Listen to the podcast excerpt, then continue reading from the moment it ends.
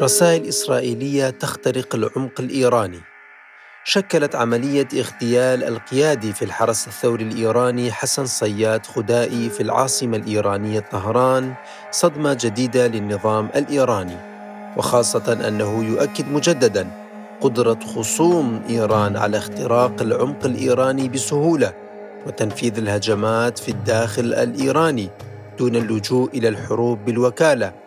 واستهداف شخصيات مهمة وخاصة داخل منظومة الحرس الثوري للمساهمة في تقويض بنية هذا التشكيل العسكري الذي بات يشكل خطرا على المنطقة وتقويضا لسيادة وسلامة الدول، إضافة إلى استهداف علماء كبار في مشروع تطوير البرنامج النووي الإيراني. مرحبا بكم في حلقة جديدة من بودكاست في عشرين دقيقة. نناقش فيها عملية الاغتيال الأخيرة التي طالت قياديا في الحرس الثوري الإيراني وتداعيات العملية ودورها في إضعاف الحرس الثوري والوعود الإيرانية بالرد وخاصة أنها اتهمت إسرائيل بصورة مباشرة بالوقوف وراء العملية. وما هي الرسائل التي تقف وراء هذه الاستهدافات بهذه الصورة وفي هذا التوقيت؟ أعلن وسائل الإعلام الرسمية في الثاني عشر من مايو عن مقتل ضابط رفيع المستوى في الحرس الثوري الإيراني على يد مسلحين في العاصمة الإيرانية طهران. وأشار الإعلان إلى أن شخصين على متن دراجة نارية أطلقا النار على العقيد حسن صياد خدائي لدى وجوده في سيارته خارج منزله في طهران. وقد وصف الحرس الثوري الإيراني مقتل خدائي بالعمل الإرهابي. ملقيا باللائم فيه على عناصر مرتبطة بجهات الغطرسه العالمية في إشارة إلى الولايات المتحدة الأمريكية وحلفائها في المنطقة.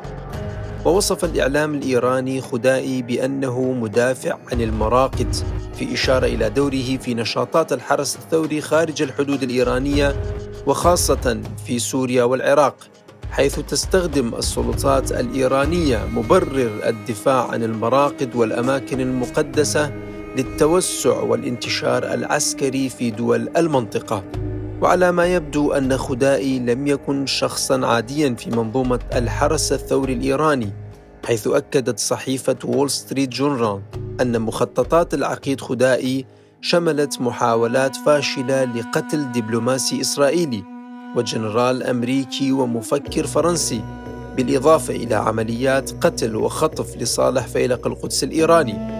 كما أكد مصادر صحفية أن خدائي كان مسؤولا بصورة مباشرة عن نقل التكنولوجيا إلى سوريا ولبنان وخاصة بخصوص الطائرات المسيرة التي شكلت مشكلة أمنية بالنسبة لإسرائيل. وكانت جهوده أيضا تهدف لتحسين دقة الصواريخ غير الموجهة إلى حلفاء إيران في سوريا ولبنان وكانت جهود خدائي واضحة في تحسين دقة وأداء صواريخ حزب الله اللبناني بصورة مباشرة.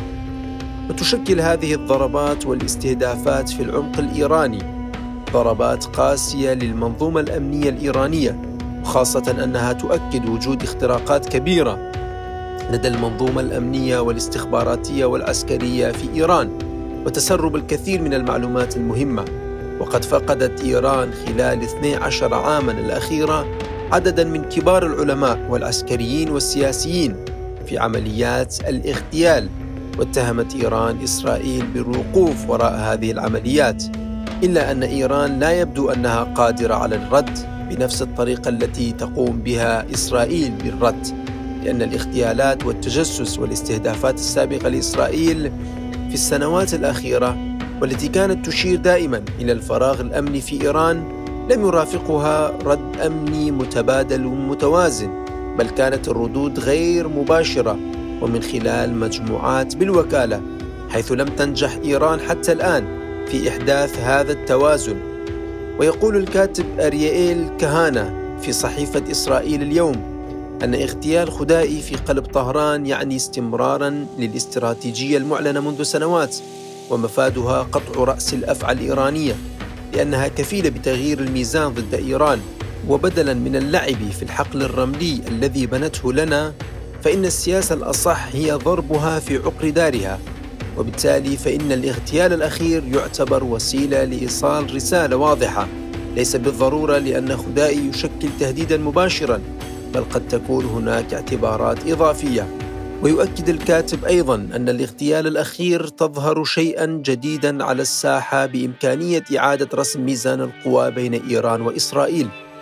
عقب الهجوم الإسرائيلي في مارس 2022 على مصنع للطائرات بدون الطيارة الإيرانية حيث لم يكن توقيت القصف عرضيا ولم تكن هذه الهجمات المباشرة عفوية بل تعكس تغييرا استراتيجيا في الموقف الإسرائيلي.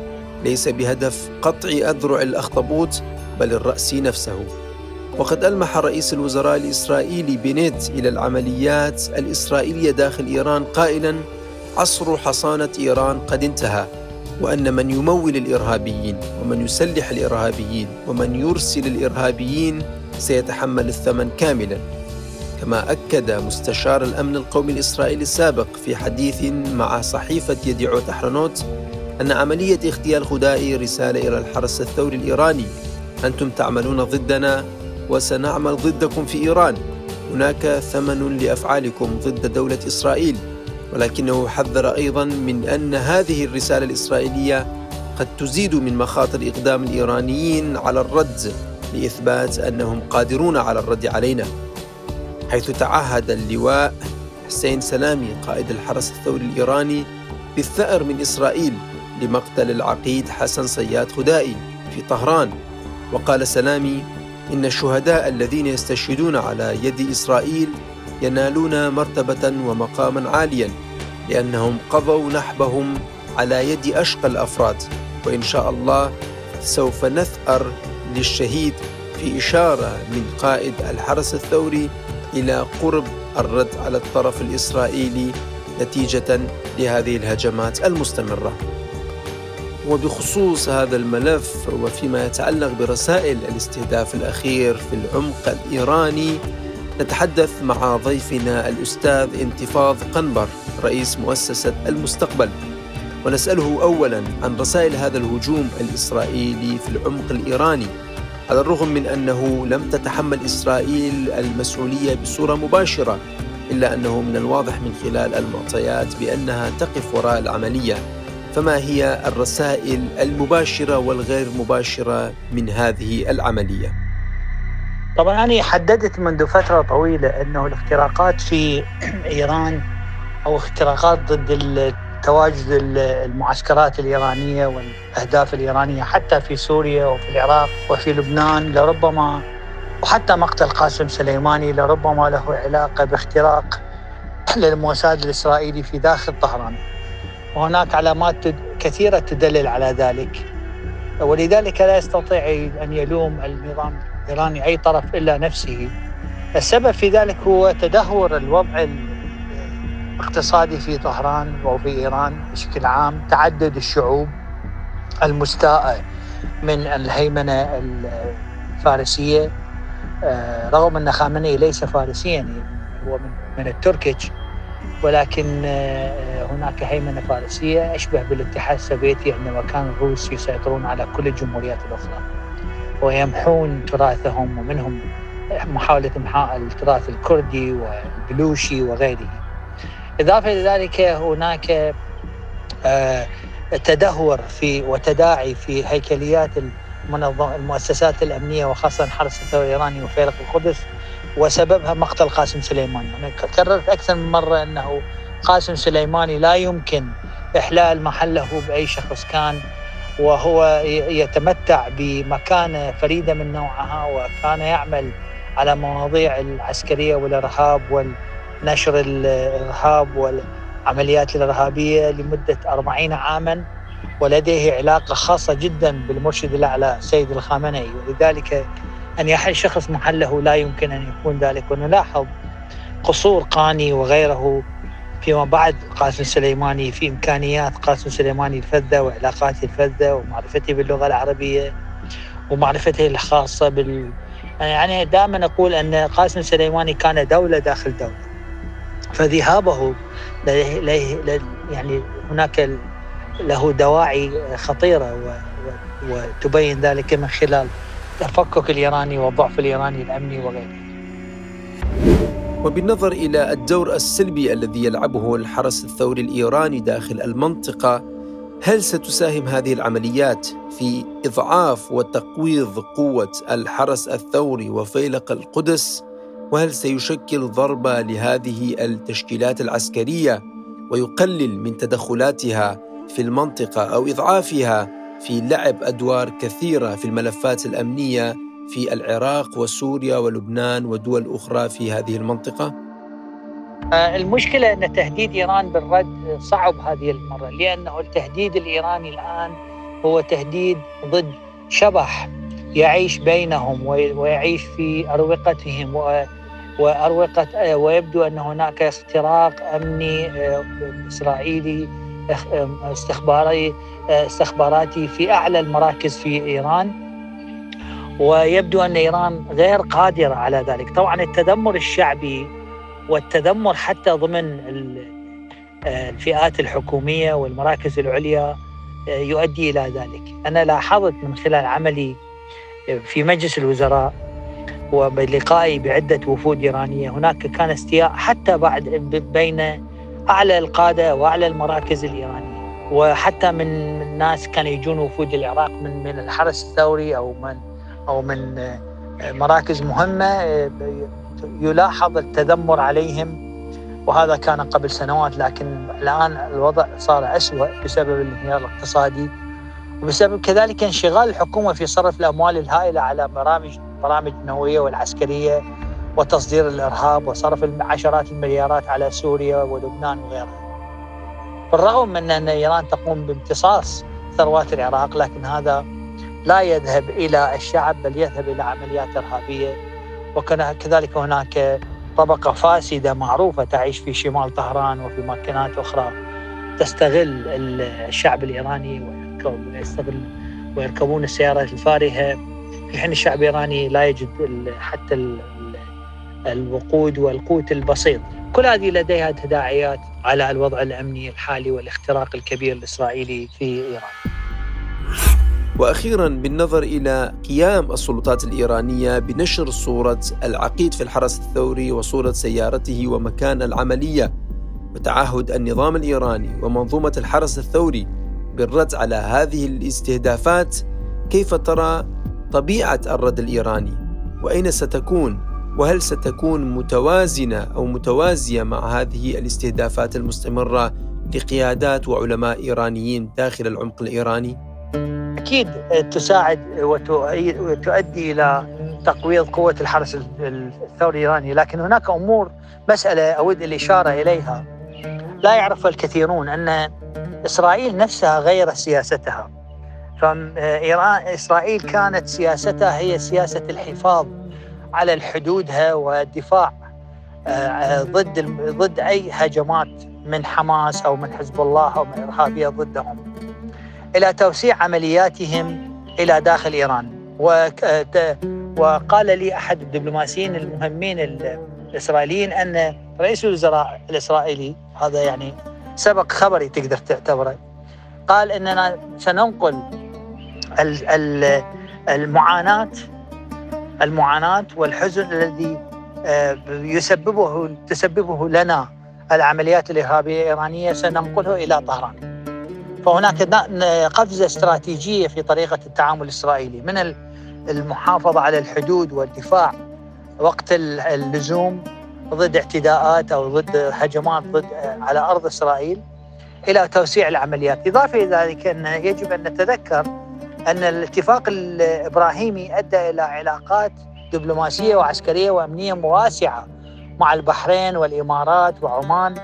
هذا ماذا يعني؟ هذا يعني أن الآن اسرائيل على حدود إيران على حدود الخليج العربي وعلى حدود إيران. فبعدين كانت إيران تتفوق على إسرائيل بكونها لديها قوة ضاربة على حدودها وهو حزب الله وحماس. الآن إسرائيل آه، تعادل ايران بهذا الموضوع بتواجدها وعلاقاتها القوية ضمن الاتفاق الإبراهيمي. وسمعنا عن غواصات وقوات عسكرية موجودة حتى في الخليج العربي إيرانية. لذلك أنا أعتقد الأمور تغيرت كثيرا وإسرائيل أصبحت أكثر آه، آه، آه، يعني قوة ضاربة ضد إيران ما كانت فقط مدافعة. وفي ذات السياق يرى الكثير من الخبراء أن اغتيال عالم نووي إيراني على بعد 50 كيلومترا من العاصمة أو اغتيال قيادي في فيلق القدس وسط طهران في وضح النهار له رسائل جدية جدا في مجال الأمن والاستخبارات.